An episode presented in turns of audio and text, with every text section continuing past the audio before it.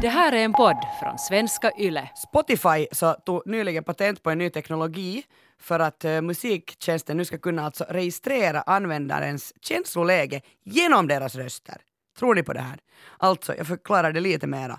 Uh, Music Business Worldwide, de uh, säger att, att Spotify har en ny patent och det är alltså rättigheter till en teknologi som kan analysera användarens röst och genom att Spotify då kan analysera den här röstläge så kan den föreslå musik utifrån personens känsloläge, kön, ålder eller dialekt. BBC de eh, spåna att de tror att den här It's My Party and I'll Cry If I Want To skulle få mest äh, lyssningar. Eller liksom, det, är den de tror att skulle öka kraftigt om, om man börjar använda den här tjänsten och om lyssnaren känner sig ensam. Men alltså vad de säger är att, att man kan liksom på röstens intonationsstress och rytm så kan man försöka hitta ledtrådar till att är användaren glad, arg eller neutral. Och kombinerat då med en analys av det här bakgrundsljudet så skulle den kunna förbättra rekommendationerna vid helt specifika tillfällen. Eh, vilken låt eh, skulle du Elmer eh, spana att eh, du skulle få tilldelad dig då, oftast när du öppnar då, för att lyssna på musik? Om, man skulle, om det skulle gå liksom på känslor så skulle jag tro att den lätt skulle spela något nostalgiskt. Alltså den skulle väl räkna ut, det skulle jag tro, att den skulle räkna ut om man skulle höra vilken ålder jag är och börja spela något nostalgiskt. Jag tänker bara att om man vill ha en känsloreaktion så det alltid vet du något som kommer som är när jag var ung någon om de börjar spela sånt, det, det, då kommer ju så mycket upp. Men jag vet inte, alltså jag bara tänker så att om den vill manipulera mig, vilket jag ju alltid tror att de här vill göra. Jag tycker det, det, hela den här frågan är ganska obehaglig. Jag tänker, jag hörde det här Google också kommer att i framtiden känna dig bättre än du känner dig själv. Och det har de ju sagt att dating kommer att vara jättelätt för att Google kan koppla ihop det med den perfekta. No problem, inga Tinder, ingenting. Alltså den vet, och den har alltså ju koppling perfekt. på den andra, så den vet. Ja, så den vet att ni två kommer att vara med någon slags 70 procent liksom, this is the match. Okej, när kommer inte det kolla här? Mera. När kommer det här att hända? Alltså, alltså, äntligen, jag, äntligen något bra av all den här skiten. Äntligen något bra. Andrea och jag, vi ja, anmäler ja. oss.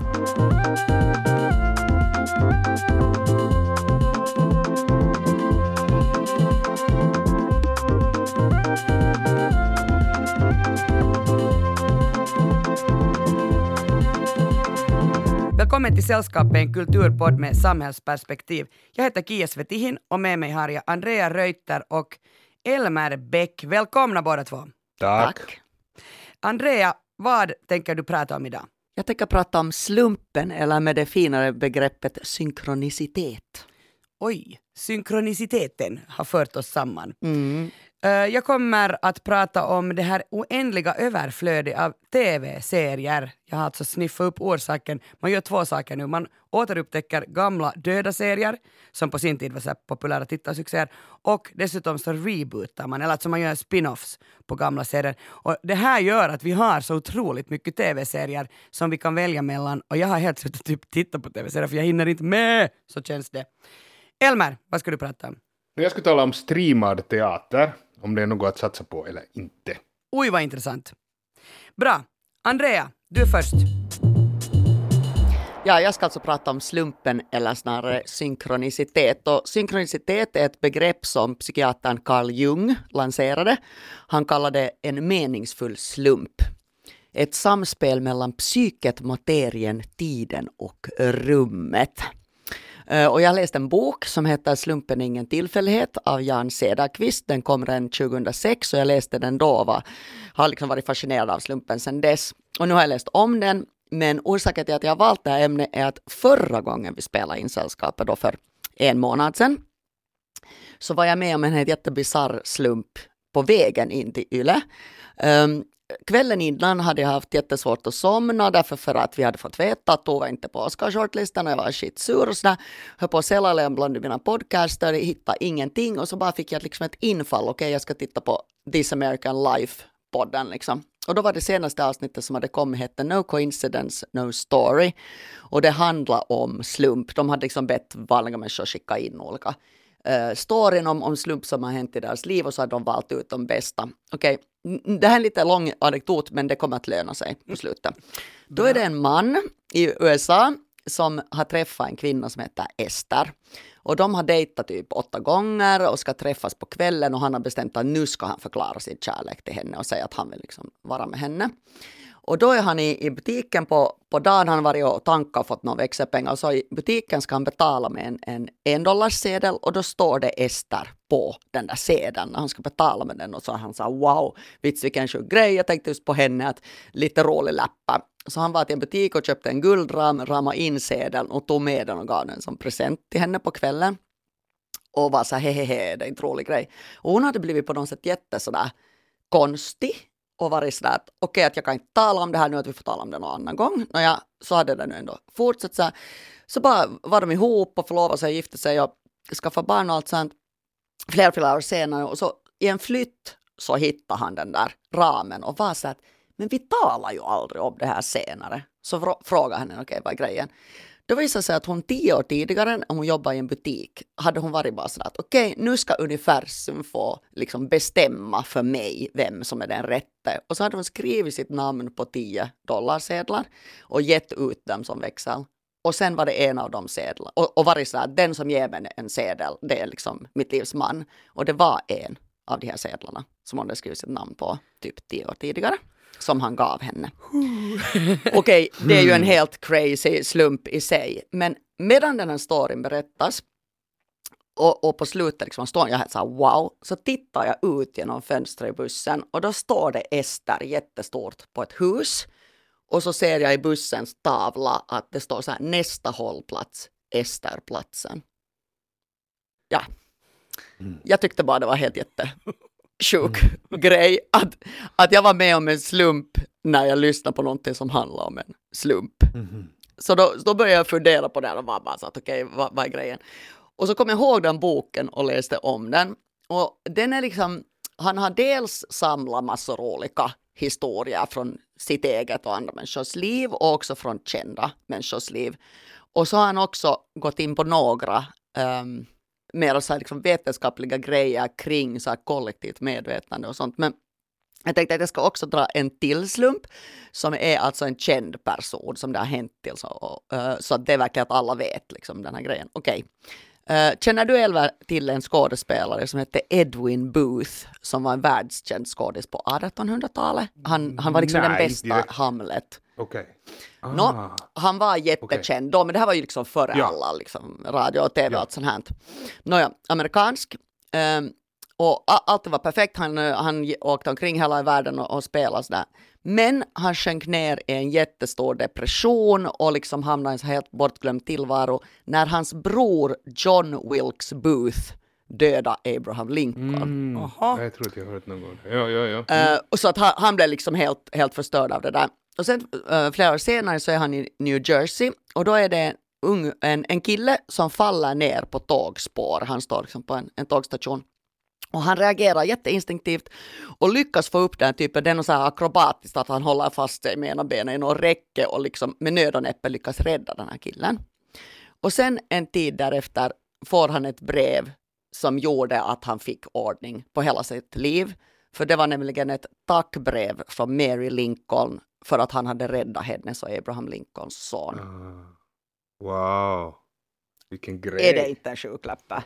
Ja. Och det här är ju alltså, det har ju hänt på riktigt. Mm. Mm. Så att sådana här saker händer ju och mm. alltså om man ska dra tanken till slut är det ju jättebisarrt att hur skulle det kunna liksom finnas mening därför för det skulle betyda på något sätt att, att universum ungefär styrs, styrs liksom av någon hand eller av människors tankar eller någonting. Och det, det är ju jävligt flummigt. Men har ni varit med om någon sån galen slump eller någon mindre slump som ni liksom kommer ihåg? Jag kan helt säga att det där när jag um, det här är jättelänge sedan, men på det, på det glada eh, 00-talet, början av 00-talet så var jag lite på 20 och då åkte jag den här Sydostasien, vet ni, backpacking. Ja, och jag liksom ja. åkte tåg hela vägen från faktiskt Helsingfors hela vägen till Thailand, alltså genom Kina. Så här. Och det började med liksom att redan i Ryssland så träffade jag ett sånt gäng svenska killar i min ålder. Och sen liksom träffades vi på alla stora ställen. Liksom så här, vi träffades i, i Moskva, vi träffades i Ulan Bator, vi träffades i Peking, vi träffades i Hongkong. Vet du, så här. Och sen slutade det med att Och det var randomly varje gång? Ja, vi träffades till slut ännu, tror jag, en gång i Vietnam. Jag, jag reste i tre månader. Och liksom tågvägen. Och, och det där, idag på morgonen så får jag fundera så här att, att det där var månne skulle vara en sån här sjuk slump och så tänkte att det här är säkert det sjukaste. Men när jag tänker efter så inte är det ju så sjukt att, att vi träffades uh, flera gånger. För ni var väl på samma turistpaikka men ändå. Ja. Men okej, okay, slumpen är ju den att man kanske då råkar befinna sig på samma ställe så där många gånger efter varandra och då i stunden kändes det sådär helt absurt att tänk att vi ses igen, att det måste ju vara meningen på något sätt. Uh, men, mm. men inte vet jag, eh, jag, jag tycker kanske ändå idag att det, inte, att det kanske inte var slumpen utan bara det att alla i 20-årsåldern backpackade i början av 00-talet. De åkte, och man åkte till Sydostasien och, och med tåg och kom Då den där man vägen. Samma rutt, så åkte man liksom. samma rutt och man ja. åkte ju till samma, just så jag räknar upp här, Ulan Bator, man åkte till Peking, man åkte till Macau, Hongkong, Hanoi. Ja, så jag vet inte om det är slump. Vad säger du Andrea? Är det slumpen eller är det, är det bara att jag bara är en brat? Alltså, jag tänker så här, det här synkronicitetsbegreppet det kallas ju då liksom en meningsfull slump. Um, och jag kan inte liksom se egentligen vad det skulle finnas för negativa uh, grejer med att, att bestämma att jag, jag, jag, jag liksom tror på det där. Uh, det är ju bra om man känner mening och tacksamhet i livet det är ju liksom sättet att få en lycka som håller är att göra saker för andra och känna tacksamhet och meningsfullhet. Så att om man kan göra det via att man tänker att oj då nu var det nog meningen att jag skulle träffa den mm. där eller att det här hände. Och sen om det handlar om, om att um, på något sätt att man... Be, när jag var med, med det, det är helt, liksom, på det en liten jutta, men, men för några veckor sedan var jag på landet och så hade jag hela veckan varit så okej okay, jag måste fixa liksom, att hur jag ska åka dit. Att ska jag ta buss eller eller tåg eller hur ska jag liksom göra? Och så hade jag liksom varje dag varit så här, nu ska jag ordna nu, så hade jag bara inte ordnat det. Så att sen några dagar innan så var jag så här okay, nu ska jag göra det, så var jag inne på på en rese, eh, eh, eh och skulle köpa den biljetten. Och just när jag skulle köpa så ringer min kusins fru i ett jobbärende, vilket hon aldrig har gjort. Um, och så säger hon så här, ja ja men vår andra kusin ska ju ut till landet då, exakt när jag ska ha farit. Och så ringde jag upp den som var så här, men du får skjuts med oss. Och det är ju inte något jättekonstigt att mina kusiner skulle ut till vårt gemensamma land på en fredag. Det är ju liksom inget underligt i sig. Men att det var någonting jag hade tänkt att jag skulle ordna så länge och sen exakt den sekunden när jag var så här, nu ska jag åtgärda det, så blev det på något sätt åtgärdat åt mig på ett bättre sätt. Men, men kan det handla om att ja. du har sjukligt bra tur? Jo, men vad är tur i så mm. fall? Sant. Jag började direkt tänka också, alltså, som en liten årsbrygga, men som jag tycker handlar om samma sak, är det där liksom att Vet ni till exempel när uppfinningar kommer så visar det sig att de alltid kommer på samma gång på olika, på sätt, olika ställen, ställen i världen. Exakt. Ja, alltså allt kom på, liksom, att före det kunde ingen komma på det och sen när någon kommer på så kommer någon annan på det egentligen nästan samtidigt. Jag läste just om det, det är massa stora uppfinningar som egentligen har skett och de har inte haft någon kontakt sinsemellan, men det, det tyder ju också på att när den här tanken så att säga är färdig för att födas så föds den lite med de som, som får grepp om det. Jag har tänkt mycket på konst, det är ju samma sak hundratusentals gånger har det hänt, eller hundratusen kanske överdrivet, no, många, många, många gånger, som vi till exempel med vår teatergrupp Nya Rampen haft en idé, och direkt när vi har talat om den här idén så plötsligt ser man den överallt. Vet ni att den här mm. idén som kommer gör samma med filmer, det görs ju alltid om samma saker. Mm. Och det tycker jag är jäkligt intressant, för det handlar ju inte om att man talar, det handlar ju om att något liksom ligger och ruvar. Där tänker jag mm. också på Jung, han har den här idén om det här kollektiva omedvetna, alltså att vi har ett, ett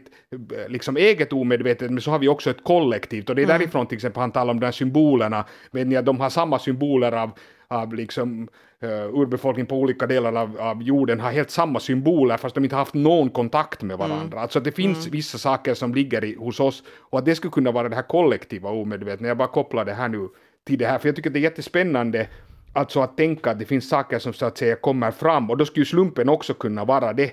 Alltså att vet ni, ni båda är kopplade till något. Jag tycker, ja. det, nej, jag tycker att det är fascinerande att ja, tänka och, så. Och det som är eh, i den där boken, jag kan bara berätta kort om en grej, mm. det, det, finns något som heter Global Consciousness Project och det här mm. startades mm. av Princeton 98. Och jag fattar inte helt vad det är, men det, det kallas då alltså RNG, Random Number Generators. Det är någon slags maskin som de placerar ut på 67 olika platser hela världen över. Och det är en maskin som genererar ett elektroniskt brus av ettor och nollor slumpmässigt 100 sty äh, 1000 stycken i sekunden. sekunden. Och det blir ungefär liksom samma sorts mönster på något sätt överallt, fast det är då slumpmässigt. Men vid tillfällen där en stor mängd människors fokus är på samma sak, så har det liksom märkts i de här mönstren. Alltså när 9-11 hände, det var ju 2001, så såg man i de här random grejerna att det påverkades och, och de kan inte liksom förklara det men det är tillräckligt stor märkbar grej för att det inte kan vara liksom bara att det råkar mm. sig vara så. Mm. Så att det finns ett kollektivt medvetande och det påverkar materia, ja. men de kan inte förklara liksom det, men de ser att det påverkar det. Ja, um, så jag tänker att det handlar om mm. mätinstrument också, att vi, inte, vi kan liksom inte tap into det, men det på något sätt finns där. Men jag tror också att det handlar om att vi har blivit så, alltså att vi lever nu är vi så individualistiska att vi tror liksom inte på något annat än det där egna som vi gör. Jag tänker också att på, på konsten, alltså, åtminstone i antikens Grekland och min tidigare, så var det så att man tänkte att konsten kom genom konstnären till exempel. Det skapades genom, det skapades inte av. Så det är inte så att mm. vi har fantastiska hjärnor, utan vi har folk som är mera öppna för det som så att säga ska komma ut. Och jag tycker Exakt. egentligen att det är mycket finare sätt att tänka på konst så, än att tänka att det finns någon genial som hittar på någonstans. Mm. Och jag tror att liksom tidigare så tror jag inte de här sakerna inte skulle ha varit lika liksom... Uh, flum, anses så flum. Ja, ja. ja. Och, och, kontroversiella kanske till och med tror jag nu att, att säga att slumpen liksom inte bara slump är nästan kontroversiellt. Ja. Alltså för många tror jag. Men jag det går inte, liksom, folk behöver lära känna det. mig här via mina ämnen i sällskapet. Ja, no, jag menar jag inte kontroversiellt så att, att det liksom blir liksom att någon upprörs så hiskeligt, men jag menar på det viset att, att folk liksom går inte med på att sånt existerar. Ja. Vi vill inte ja. liksom att sånt ska existera, för att vi just, och därför tycker jag det är intressant som du säger, för vi vill inte att något ska, ska existera som vi inte kan mäta, men därför är det intressant vad du säger, att till och med det vi kan mäta påverkar lyckas. Alltså, mm. men så det är spännande, absolut. Men, men jag tänker sådär att jag tycker ju jättemycket om att sätta faktiskt folk och människor i fack. Jag ska alltid liksom, men jag vill ha något system på, på hur jag, mm. så annars kan jag inte leva. Alltså, det är väl någon form av trygghet för mig.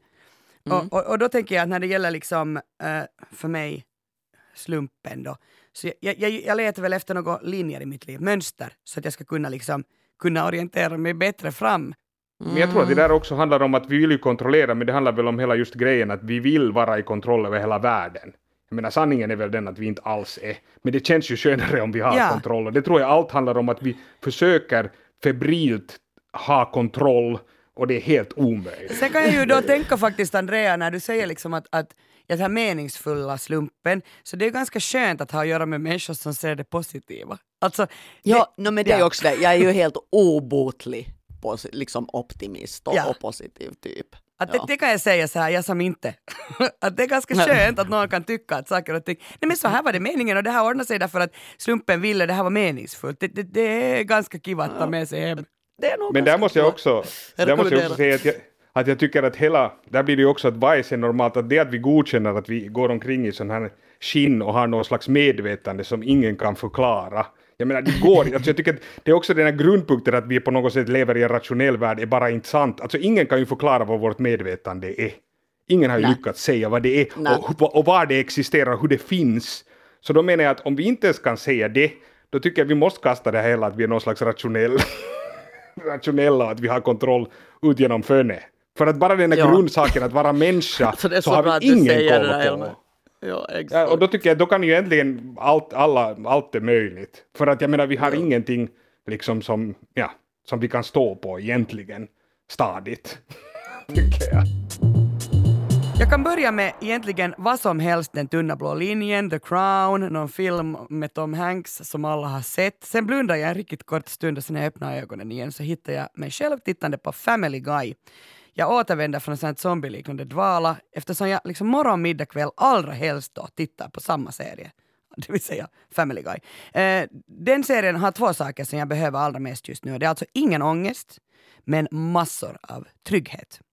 Och mitt problem är att eh, just nu så känns det, i varje fall för mig, som att det kommer otroliga mängder nya filmer och speciellt tv-serier.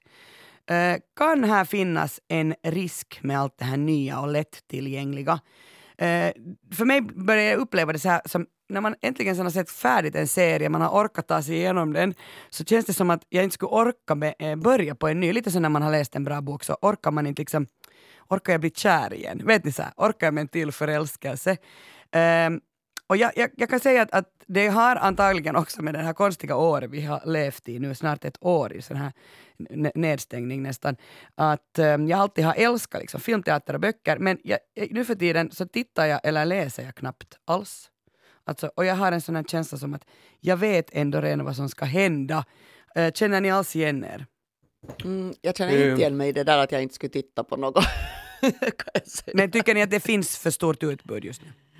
Ja, men det har väl funnits för stort, det här Golden Age of Television har ju nu pågått i, i mm. ja, tre, tre, fem, tre år. Och det produceras ju, alltså det var för några år sedan, var det över 500 originalserier bara i USA och nu, nu lanseras mm. det ju nya streamingtjänster ännu liksom i år. Det har lanserats nya streamingtjänster nu en gång i halvåret i flera års tid. Så att utbudet är ju är enormt och det är väldigt mycket svårare att, att liksom få en serie att vara så att alla tittar på mm. den. Nej, jag tänker också just det att, att om, om utbudet är stort, jag tänker också att vilket håll går det? Alltså jag tänker att det är ju positivt om det så att säga utvecklar hela tiden, men jag vet inte heller liksom, för jag vet, det är ju spännande nu som, som, som just Andrea är inne på, att liksom, det görs så mycket så att jag vet också att de söker idéer, jättemycket idéer. Hoppeligen så betyder det ju också att lite liksom svårare, speciellare mm. idéer går igenom. Och det kanske man nog kan se, jag vet inte om jag alltid fan, men jag menar nu om ni har tittat på det här WandaVision.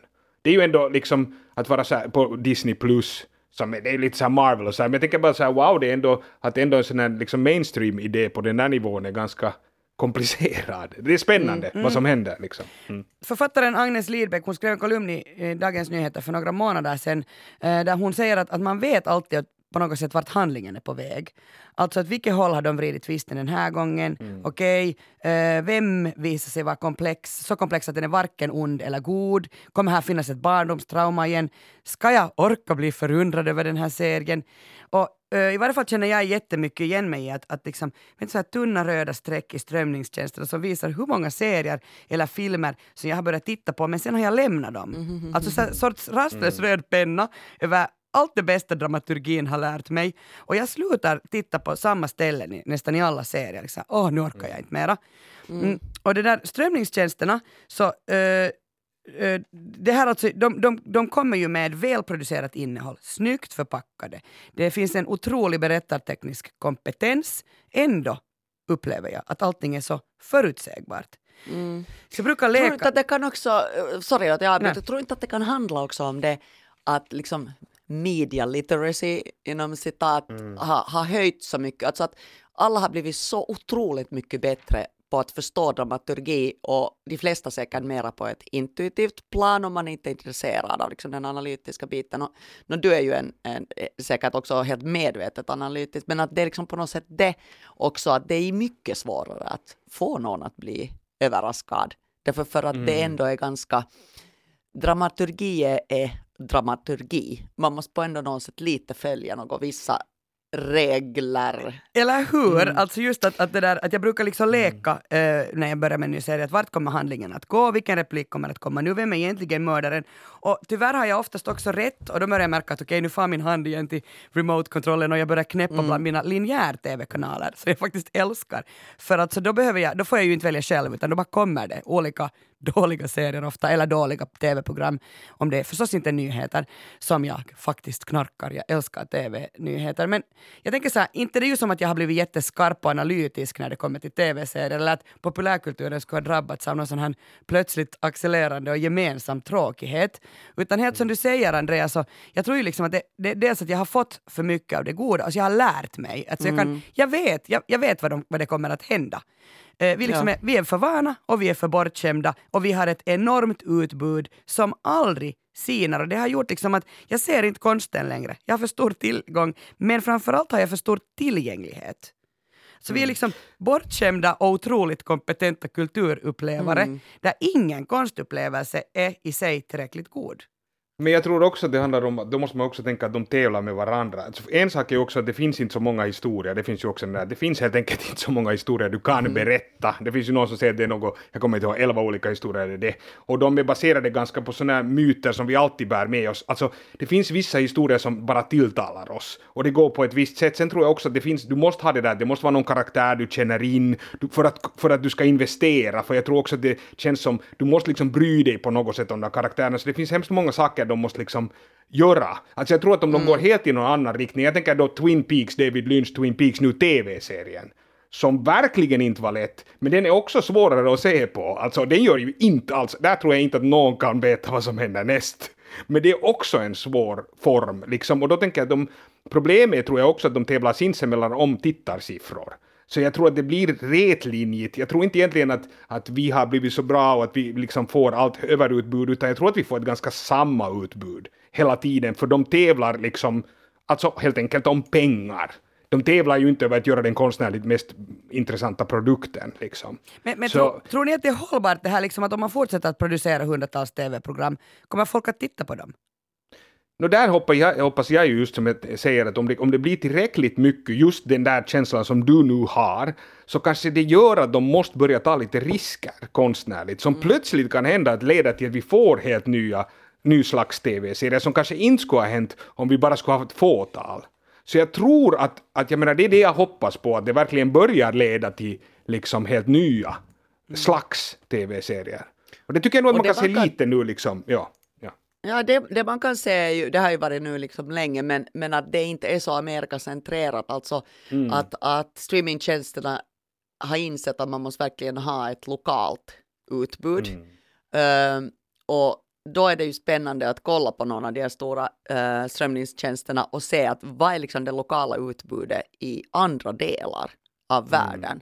Och då kan man ju kanske hitta någonting som är spännande, någon, någon, någon koreansk serie eller någon eh, polsk serie eller någonting liksom sånt som, som man inte skulle på det sättet hitta. Och där kanske det är andra sorts dramaturgiska normer och, och helt enkelt bara ett annat liv och annan miljö som de beskriver. Så det är ju ganska skönt att det inte bara alltid några typer som bor i något stort hus i USA och åker bil och, och har några löjliga problem. Men sen blir man också helt matt liksom med, med, med mängden streamingtjänster som finns. Alltså de, de är snart lika många som tv-serierna. Liksom det är Apple TV+, det är Netflix, HBO Nordic, HBO Max, Amazon Prime, C More, Viaplay, Dplay, Viasat, Dis- Disney+, Paramount+, SVT Play, Arenan.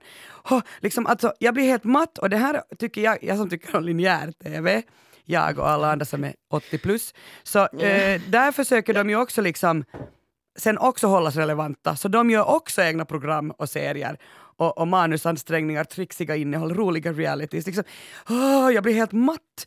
Men det jag har märkt med tv-serier eh, på streamingtjänster är att man alltså gör två saker här, förutom att man då producerar helt nytt. Så man repriserar gamla godingar och man gör spin-offs. Så om vi tar de här gamla godingarna först, så, så det där, eh, man har alltså börjat visa tv-serier som i tiderna nådde stor publik. Vad tror ni att det är orsaken? Nostalgi. Nostalgi. Ja, jag tänker nog... Ja, alltså, En fanbase som redan existerar. Petra Laiti, eh, 25 år gammal, som, som, bruk, som också är med i sällskapet, eh, så hon sa att hon tittar på Friends med sina föräldrar för det är liksom en trygghet för att så, de väljer det. Det är deras liksom, trygghetsserie. Eh, och The Office, som ligger i topp hos både HBO Nordic och Viaplay och More på andra plan, plats, det här är alltså enligt Sveriges Radio nu, så eh, de säger liksom att det, det är för att människor vill skratta. Alltså, det här gäller senaste året faktiskt. 23 procent fler har sitt på The Office jämfört med motsvarande period ett år tidigare. Det är alltså på riktigt handlar om att vi, vi är ganska isolerade och, och, liksom, och vi saknar ett umgänge och man vill underhållas. Men då vill man ju skratta och jag tänker så här, The Office och jag tittar på Family Guy, jag vill också skratta. Alltså ibland sitter jag och skrattar där ensam i min soffa åt någonting som Peter säger. Okej, jag gör det faktiskt varje gång för jag tycker han är så rolig. Men liksom, de hade intervjuat då också eh, folk i den här artikeln och där sa en, en eh, kvinna att hon, för henne påminner det om typ gammal vardag. Alltså så som det var förr. Mm. Eh, Men jag tror att man vill ju ha den där tryggheten under sådana här otrygga tider, det är väl liksom klart. ja. Och att det är garanterat att man får eh, eskapism och, och liksom underhållning. de, Det mest, tycker jag är väldigt logiskt. de mest populära nostalgiserierna är Sex and the City, ER, House och Seinfeld. Det här är alltså enligt den här SR. Och Friends måste väl vara med? Och Friends finns också men den var inte på liksom det mest populära. Så de kommer där under. Så jag, jag, jag kollar med arenan och på svenska YLE så tittar vi liksom i fjol allra helst på morden i Sandhamn. Det var liksom vår trygghetsserie. Men Skam har setts ändå liksom helt sådär att svenska YLE har aldrig haft ett sånt innehåll tidigare. 30 till 60 000 startar fortfarande i veckan. Det är alltså ett enormt Wow. mängd där. Och sen annars Ja. finns det så här, Älska mig har man tittat väldigt mycket på men den är ju en ny serie. Men, men liksom eh, på hela Yle, alltså både finska och svenska, så har vi allra mest tittat på Lilla huset på prärien, det hade man ingen aning om, och på Uusi päivä och Psyke. Alltså nu är det, det är som, liksom nu är det någon nostalgi i det. Mm. Och, Och säkert just någon trygghetsfaktor. Ja, jag ska ge så här trygghetsgodbit åt, åt ni som suktar där ute. Skärgårdsdoktorn som hade premiär 1997 kommer att göra comeback inom en snar framtid på arenan. Men hej, om vi tar den andra, andra liksom grejen som jag har märkt och det är att vi rebootar serier och gör så här spin-offs på dem. Reboot betyder omstart. Eh, man liksom eh, vill fräscha upp och göra nya versioner av gamla godingar. Och ja, visst, Cats, Lejonkungen, Mulan har jag sett här helt nyligen. Det var, liksom, de gör man ju sådana säga, remakes av animerade versionen. Ja, man gör liksom live action av animerat. Ja. Men tv-serierna live action dataanimerat Mm. är det ju väldigt mycket. Men... TV-serierna har liksom lite ändå gått en annan väg. Man ville liksom ha så här originalberättelser, marinerade i nytänk. Man försökte ha överraskningar hela vägen ut. Och jag började märka också att massa TV-serier och filmer, så de hade alltid samma typ som skriver, regisserar och spelar huvudrollen. Men sen dök då 2021 upp och vi gick alla i fällan och tänkte så här, nu blir det nog säkert ett bättre år än det här skitåret 2020. Och så tittar man på 2021 års tv-premiärer och, och då ser man den här reboot-trenden. Jag tycker att det handlar alltså inte bara om krimserier som Young Wallander, eh, utan jag tänker nu på dramaserier och jag ska ge åt er tre reboots, eh, reboot-exempel. In Treatment från 2008, såg ni på det? Ja. Jo. Det var ju så en eh, psykiat Jag, så, jag såg på B-Tipull också, den israeliska versionen. Som, som väl är, är liksom, det var den första, originalet. Ja. Ja, första HBO-originalet. ja. Uh, no, det det är eh, en, en psykiatriker som eh, ha- har, uh, tar emot patienter i en soffa. Jag kommer ihåg att jag var så här: wow, tänk att man kan vara bara i en soffa i en hel serie. Det är ju liksom så vanligt nu att man är på ett ställe. Um, Okej, men 2021 kommer en ny version av In Treatment på HBO. Det är alltså Uzo Aduba som kommer att spela eh, Dr. Brooke Lawrence. Det är alltså hon som är Crazy Eyes i Orange is the new black. Och eh, 14 februari så var det premiär för spin-off-serien Clarice. 30 år sedan, på pricken alltså, sen när Lammen tystnad hade världspremiär. Och nu liksom då, så ska man då man får följa med Clarice Starling. Som, eh, det, det utspelar sig ungefär ett år efter att när Lammen tystnar tog slut. Det är ju liksom inte första gången man gör några remakes. Eh, inte remakes, utan när man gör um, spin-offs på när Lammen tystnar. Alltså Anthony Hopkins har väl gjort en massa. Hannibal Ja, finns ju. Hannibal, med Mads Mikkelsen finns ju. Och den finns också, ja. Ja. Så det, det där var nu kanske inte så nytt. Nåja, innan jag sen då helt och hållet faktiskt blev besatt av Family Guy så satt jag fastklistrad vid tv-apparaten lite över klockan 11 på kvällarna. Det här var på 00-talet, inga streamingtjänster fanns. Men alltid lite över 11 på tisdagar och torsdagar så kom det Frasier. Är ni bekanta med Frasier? Ja. Ja, jag har tittat på Frasier så mycket som ung. Men nu vet du ju att det kommer en ny. Alltså en, en Ja, ja, ja. spin-off. ja. Men är, det, men är det en spin-off eller är det alltså Kelsey Grammer som Nu är det spelar Kelsey Frasier? Grammer. Det är Är det? Kelsey Grammer som spelar Frasier, men de, de gör en liksom ny version av det. Alltså, eller, den, den, den, det går ju vidare för han är ju Att det har liksom... hoppat liksom 20 Ja, år i tiden. men- Precis. Uh, och, och det är alltså spännande ju att, att Kelsey Grammer var med i Cheers, som är en av stamgästerna i den sitcomen, och han fick en egen spin-off-serie som heter Frasier. Och den blev ju liksom egentligen mer känd än originalet. Och det där på Paramount Plus, för vi behöver ju faktiskt en till strömningstjänst som vi kan betala för, så kommer uh, Frasier att komma. Man vet inte riktigt ännu när, för att eh, den här eh, vad heter han nu, Kelsey Grammer, han är alltså upptagen med annat. Men jag funderar, nu sitter jag faktiskt omringad av, av Frasier-fans, gud vad ljuvligt. Vad tror ni att kommer att, liksom, vad kommer man att, vad kommer att hända? Kan, kan ni komma på någon sån här grej? Vad kommer att vara annorlunda nu? Gud. Usch, förlåt, så fr- svår fråga. Det är en svår fråga. Jag tänker att det snarare är sådär att det kommer att vara så lika som möjligt men de har uppdaterat referenserna. För det är ju en serie som egentligen bara handlar om att de refererar till. Alltså, jag tänker att orsaken till att den funkar så bra är att när de diskuterar vad det än är, viner eller filosofi eller vad som helst, så man, man, man kan och även om man inte fattar den exakta referensen så förstår man vad det är meningen att den ska säga om situationen eller oftast då karaktären eh, som säger de där grejerna. Att jag tycker det är en, en serie som får en att känna sig smart för att man på något sätt fattar referenserna. Även om man inte Mm. kanske exakt fattar det så fattar man att det där är meningen att vara snobbigt på det där sättet i den där Mm. kontexten. Mm. Han är ju 70 liksom nu, alltså i den här nya. Så jag menar, han, jag undrar så här, vad kommer han jobba, kommer han att jobba månne ännu på radion? Men i USA, herregud, presidenten, de jobbar ju tills de blir nå hundra. Eh, Sen Jag har- tror också att de försöker paketera det, liksom lite modernisera det, men hålla det så som man ska ha den känslan att som om det, de aldrig skulle ha varit borta, men modernisera liksom referenserna. Jag tror också det är liksom det de försöker gå, att det skulle kännas som att den här trygghetsfaktorn finns, men så känns det också sådär liksom att det är 2021. Jag tror det är det Och vad det- de kommer att försöka Och de göra. kommer ju liksom. helt säkert att ta in liksom några nya yngre människor och det kommer ju att vara Mm. en, en uh, icke-vit kvinna. Det är så- liksom helt klart. diversitet Hans assistent eller någonting. Ja. De, de måste ju liksom diversifiera det. Och sen är jag För det var en intresserad, väldigt vit och gubbig serie. Liksom. verkligen, jag är intresserad av det här politiska också, med tanke på hur den här presidenter USA har haft. Ja, och Kelsey Grammer är ju jättenå så här republikan. Ja, ja, stöder. Trump. Ja, det blir Ja. spännande. Okej, men för någon vecka sedan så tvingade jag mig att titta på, på en film. Det här kunde lika bra alltså ha varit en serie, alltså i, i sin helhet bara tvingade jag mig att titta på något nytt. Men eh, då hade jag, jag hade liksom gjort ett litet... Eh, jag försökte göra e- ett experiment med mig själv. Bredvid mig i soffan framför min enorma smart-tv så hade jag min barndomsvän. Och då hade jag liksom ingen chans att byta till Family Guy efter tio minuter. Jag kunde inte somna, hon väckte mig hela tiden med jättejobbiga frågor. Och sen kunde jag inte heller stänga av då jag tyckte att det blev så här angstigt, utan jag bara måste sitta och titta. Och det här... Gud, vad var det du sa? Nu är man verkligen spänd. Jag tänker inte säga. jag, så, jag tittar på Mexikos Oscarsbidrag.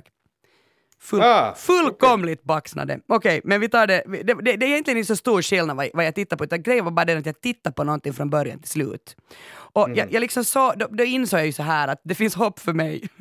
men hoppet är jättetätt ihop med att liksom jag måste få den där gemensamma kulturupplevelsen. Jag, jag liksom kan inte mera sitta hemma och titta på TV. Och inte vill jag heller så här att här sitter jag hemma och så sitter Andrea och Elma i var- varsitt hem och sen på någon app så pratar vi om våra upplevelser. Jag vill uppleva tillsammans. Alltså det är ju liksom, jag, vill ha, jag vill ha den där, den där svindlande känslan av att sätta sig i kontakt, inte bara med, med liksom någonting som, som gestaltas utan som också den här övriga publiken tar del av samtidigt. Jag, jag, jag vill vara med samtidigt det händer. Kvartersbiograf med vin.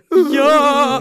Sen när vi får gå så går vi. Men alltså jag tänker så här Då att går vi. jag hoppas också faktiskt att Frasier eh, ska vara bättre än sitt original och eh, att eh, det blir, eh, den här rebootade Frasier blir min nya Family Guy. Det hoppas jag innerligt. Så jag tänkte tala om streamad teater, som säkert alla nu har hört om och säkert många kanske också sett. Men att, eh, ja, det är ju på grund av pandemin då så har det blivit mera streamad teater för att man helt enkelt inte kan gå på teater. Och det har ju varit fantastiskt under de här omständigheterna. Det är fantastiskt att man eh, överhuvudtaget kan visa någon teater, så, så vi är väl alla och jag personligen också hemskt tacksam över den här möjligheten. Men det som har förändrats nu, i alla fall där var jag rör mig, är att hur man talar om streamarteater har förändrats. Alltså i början så talade man om streamateater bara som en nödvändighet på grund av den här situationen. Men nu börjar det bli lite sådär tal att ja, ja, men kanske man skulle kunna använda det i framtiden också och kanske man skulle kunna tänka hur skulle streamarteater kunna göras och vad har det för fördelar och så här. Och, och sen så märkte jag också att jag läste Husis här för typ förra veckan och då var det i en recension om en annan teaterpjäs så, så re recenserar recensenten också olika streamingupplevelser. Så hon tog upp liksom vilka streaming som fungerar bättre och vilka som inte fungerar liksom och så här. Och det var ingen annan, nu kom, tyvärr kommer jag inte ihåg vilken exakt recension det var, men jag märkte sådär att okej, vad, vad spännande att nu, nu talar vi om det här som ett konstnärligt uttryck, alltså hur streamingen görs. Och då tänkte jag också att okej, det här är också en, då en förändring. Och nu har vi ju fått första liksom streamingsuccén. Har liksom hänt. Och det var den här Toxinen Cabaret på Koteateri, så det var liksom då 15 euro biljetten och jag tror att den hade över 1000 sålda biljetter och folk har varit jättelyckliga och positiva. Jag har tyvärr inte sett den själv, men de bara streamade en gång, de kommer säkert streama på nytt. Och då hade liksom till och med börjat höra så nämnt att vissa sa att den, är, den funkar bättre, alltså sådana som hade sett genom sa att den funkar bättre streamad än på scen. Okej. Okay. Och då blev jag ju såhär, okej okay, wow, för att jag måste säga att jag har, jag har, jag har haft en ganska sådär snäv inställning till streamad teater. Och det här han tänkt att nej, inte är det någonting, att teater liksom ska göras i rummet och så här. Men så tänkte jag så här, okej, okay, okej, okay, okej, nu när det börjar bli så här mycket diskussion om saker så kanske jag måste kolla med mig själv, att är det bara jag som är konservativ? Att det är liksom streaming, är det en grej? Är det bara jag som nu håller fast i, i liksom i, i, ja, i det förflutna. Så jag har nu liksom tänkt, jag har försökt tänka liksom fördelar och nackdelar med det här streamingen. Och det här tänkte jag nu liksom komma fram med här. Uh, och fördelar, om man tar först, så tänkte jag att den största fördelen är väl just det att man plötsligt kan ta del av teater från hela världen. Jag menar det är ju fördelen med film, så att man kan se film just från, från Thailand, kan jag se det ikväll och jag menar och så här. Men, men teater så kan vi ju egentligen se bara Helsingfors och ja, om man åker ut till någonstans, eller sen om man verkligen får resa. Men det är ju svårt att ta till sig teater då, liksom utomlands ifrån. Det skulle man ju kunna med stream. Mm. Man skulle kunna alltså streama.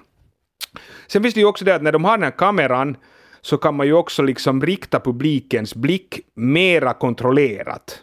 Alltså jag menar, man kan liksom mera göra den upplevelse som man vill att publiken ska ha, mera kontroller, man har mera kontroll över den upplevelsen än du ändå har på scen, var ändå publiken kan så att säga välja vad publiken tittar på, även om du så att säga poängterar vad de ska titta på, så har de en möjlighet. Och så blir det ju också det att man behöver ju inte ha liksom, man behöver inte hålla sig till scen på samma sätt. Jag menar, nu, teater är ofta hemskt, det finns ju absolut massa teater som inte liksom händer på en scen, men lätt blir man ju fast där för att folk ska sitta många människor och titta, så då blir det den här scenen och då, då, då gör det att man inte liksom kan röra sig så mycket. Med streaming så skulle man ju egentligen inte alls behöva vara på en scen, vilket gör ju, kan vara en fördel. Okej? Okay? Det var nu de liksom fördelarna jag tänkte på. Sen när jag började tänka på nackdelar, och det var egentligen ganska skönt att tänka på dem, för då började jag också tänka, då kom jag närmare vad jag tycker är viktigt med teater överhuvudtaget, liksom, och tänka igenom de tankarna som jag tycker är bra för framtiden också kanske, när, när vi kan göra teater igen. Så det första jag tänkte på är närvaron. Alltså bara att en, en skådespelare är närvarande på scen. Jag har mer och mer börjat tycka att det i sig är en jättestor sak. Alltså bara mm. det att om en person är närvarande i rummet så blir man närvarande genom den. Och alltså det handlar bara om att vara i stunden, vet ni. Alltså jag tänker att ja. ett av de bästa exempel på det här, kommer ni ihåg det när, när Marina Abramovic satt på MoMA? Och folk gick och ja. satt med henne och tog hennes händer och, och, alla började pilla. Ja, alla började pilla och det blev liksom största upplevelsen. Jag, jag, jag, jag påstår att det var hon lyckades vara var närvarande och det var hon gav åt de här människorna att genom henne så var de närvarande i den stunden och det är otroligt kraftfullt om du oftast inte är det. Alltså mm. det, den upplevelsen, det kan du inte få genom en TV. Det, det, jag tror inte på det. Du måste fråga, att, ja. kan man vara icke närvarande liksom live på scenen som skådespelare? Ja, absolut. Hur, absolut. är man jag då? tror att största... Nej, men alltså det är just då när man... Jag, no, det är då när du börjar också tänka på annat, när du börjar tänka så här, hur länge ska det här nu vara? Två timmar kvar. Tänker du ofta så, förlåt, tänker du ofta när du är, så här, två minuter av pjäsen har gått, du bara så oh fuck, två, två timmar. Alltså som publik? Eller ja, nu talar jag nej, alltså publiken, talar, ja, eller menar du på scen? Jag tänker alltså nu tänker jag sådär, det som händer när, du ser att, att en skådespelare inte är närvarande så tycker jag som publik reagerar du som att du börjar tänka på annat. Just därför mm. för att du inte blir närvarande. Men alltså på scen också, jag menar det är jätteolika. Jag menar därför har man ju bra och dåliga föreställningar. Grejen på det är att det är ganska svårt att vara så cool på scen att man är bara så här, åh jag skulle vilja gå bort. Problemet är att om du inte känner dig närvarande så börjar det komma den här shit jag är inte här, shit det här går åt ja, helvete, ja. shit nu, ja, okay, nu är det här en dålig föreställning. Alltså den där ångesten av att vara en dålig skådespelare är ändå större än den där lättjan på scen. Tur, men den, det är bra. Men den, där, men den där ångesten för också bort. Jag tycker egentligen ångesten är lika dåligt för att om du blir rädd för att vara på scen eller för att prestera bra på scen så är du egentligen i samma fälla för du är inte närvarande. För att vet du, du är inne i din skall. Men, alltså, you're in your head. Men ja, du måste säga, ja, you're in your head. Jag, jag har nämnt den här många gånger, så jag har ju sett Elmer då i Sinivalas för ett år sedan. Eh, den där fantastiska pjäsen som, så, som man, var, var, ni spelade den kanske fyra gånger och aldrig mer ja. igen. Men där, mm. den var ju sån att liksom, typ jag säger så här, 50-50 var, 50 var liksom eh, där och då och 50 var med någon filmkamera.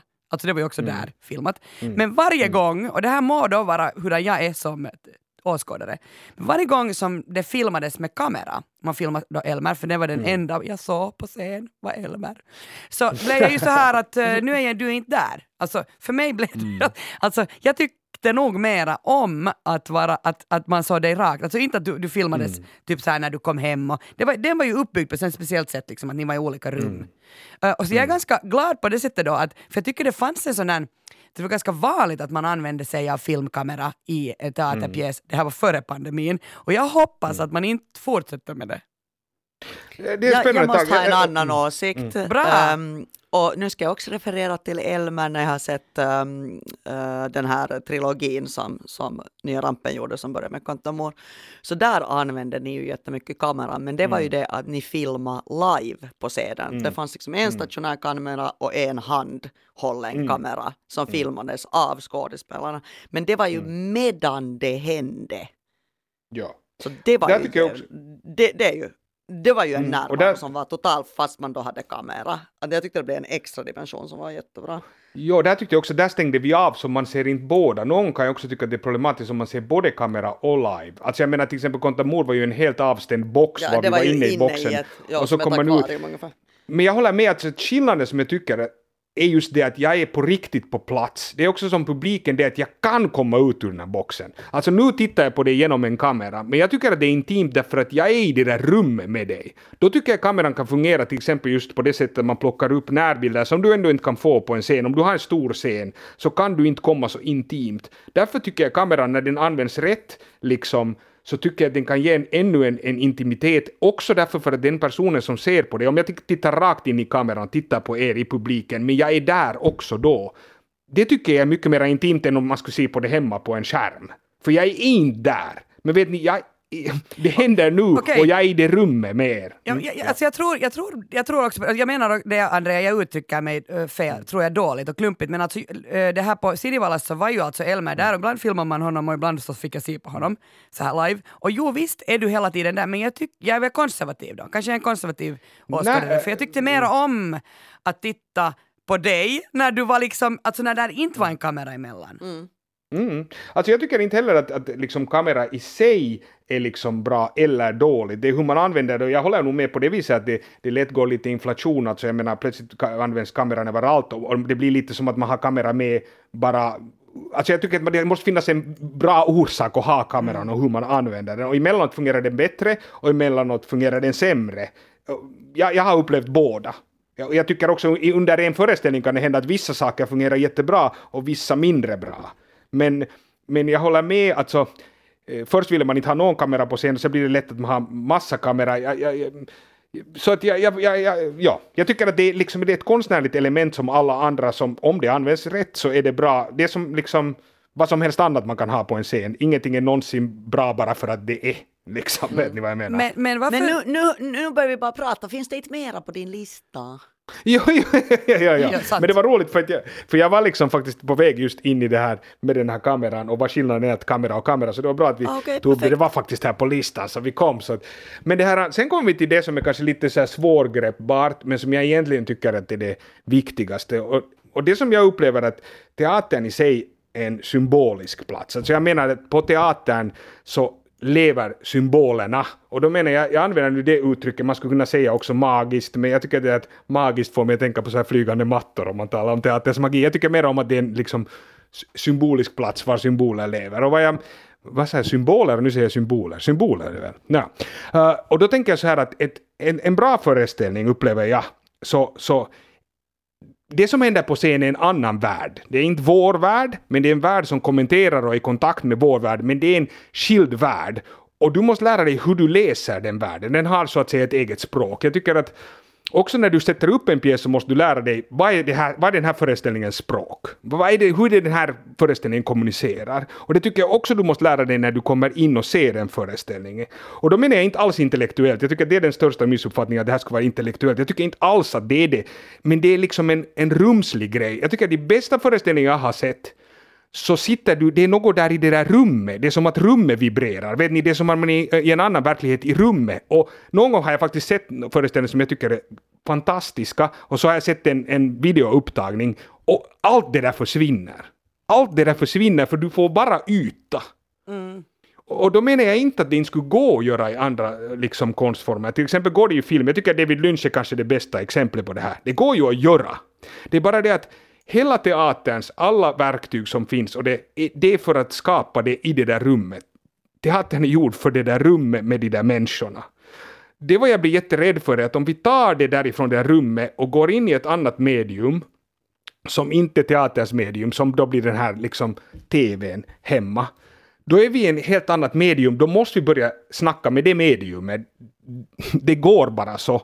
Och det som jag blir rädd för är att vad kräver då den här tvn när du sitter hemma? Och då är vi lite inne på det här samma sak som, som du var inne på Kia, att när man sitter hemma, man orkar inte, alltså man har sin telefon, man vill gå, alltså du vill gärna stänga av tvn, helt enkelt. Du säger att du tittar på så här sjukt påkostade tv-serier, du vill också stänga av tvn ganska snabbt, efter tio minuter. Så att chansen att du ska få någon att hucka på en streamad teater är liksom jäkligt liten. Och då säger jag så här att vi skulle kunna bli bättre på att göra streamarteater, men då måste vi börja catera för det mediumet. Och det, catera för det medium betyder just det att vi måste börja så att säga helt enkelt underhålla. Liksom, vi måste börja få ett sätt så att folk är sådär, ah men okej det här är ju ändå intressant. Du kan inte ha en lång öppning var ingenting händer. Alltså på en teater kan det vara fantastiskt med tysthet, just för att tystnad. För att du kan inte gå ut.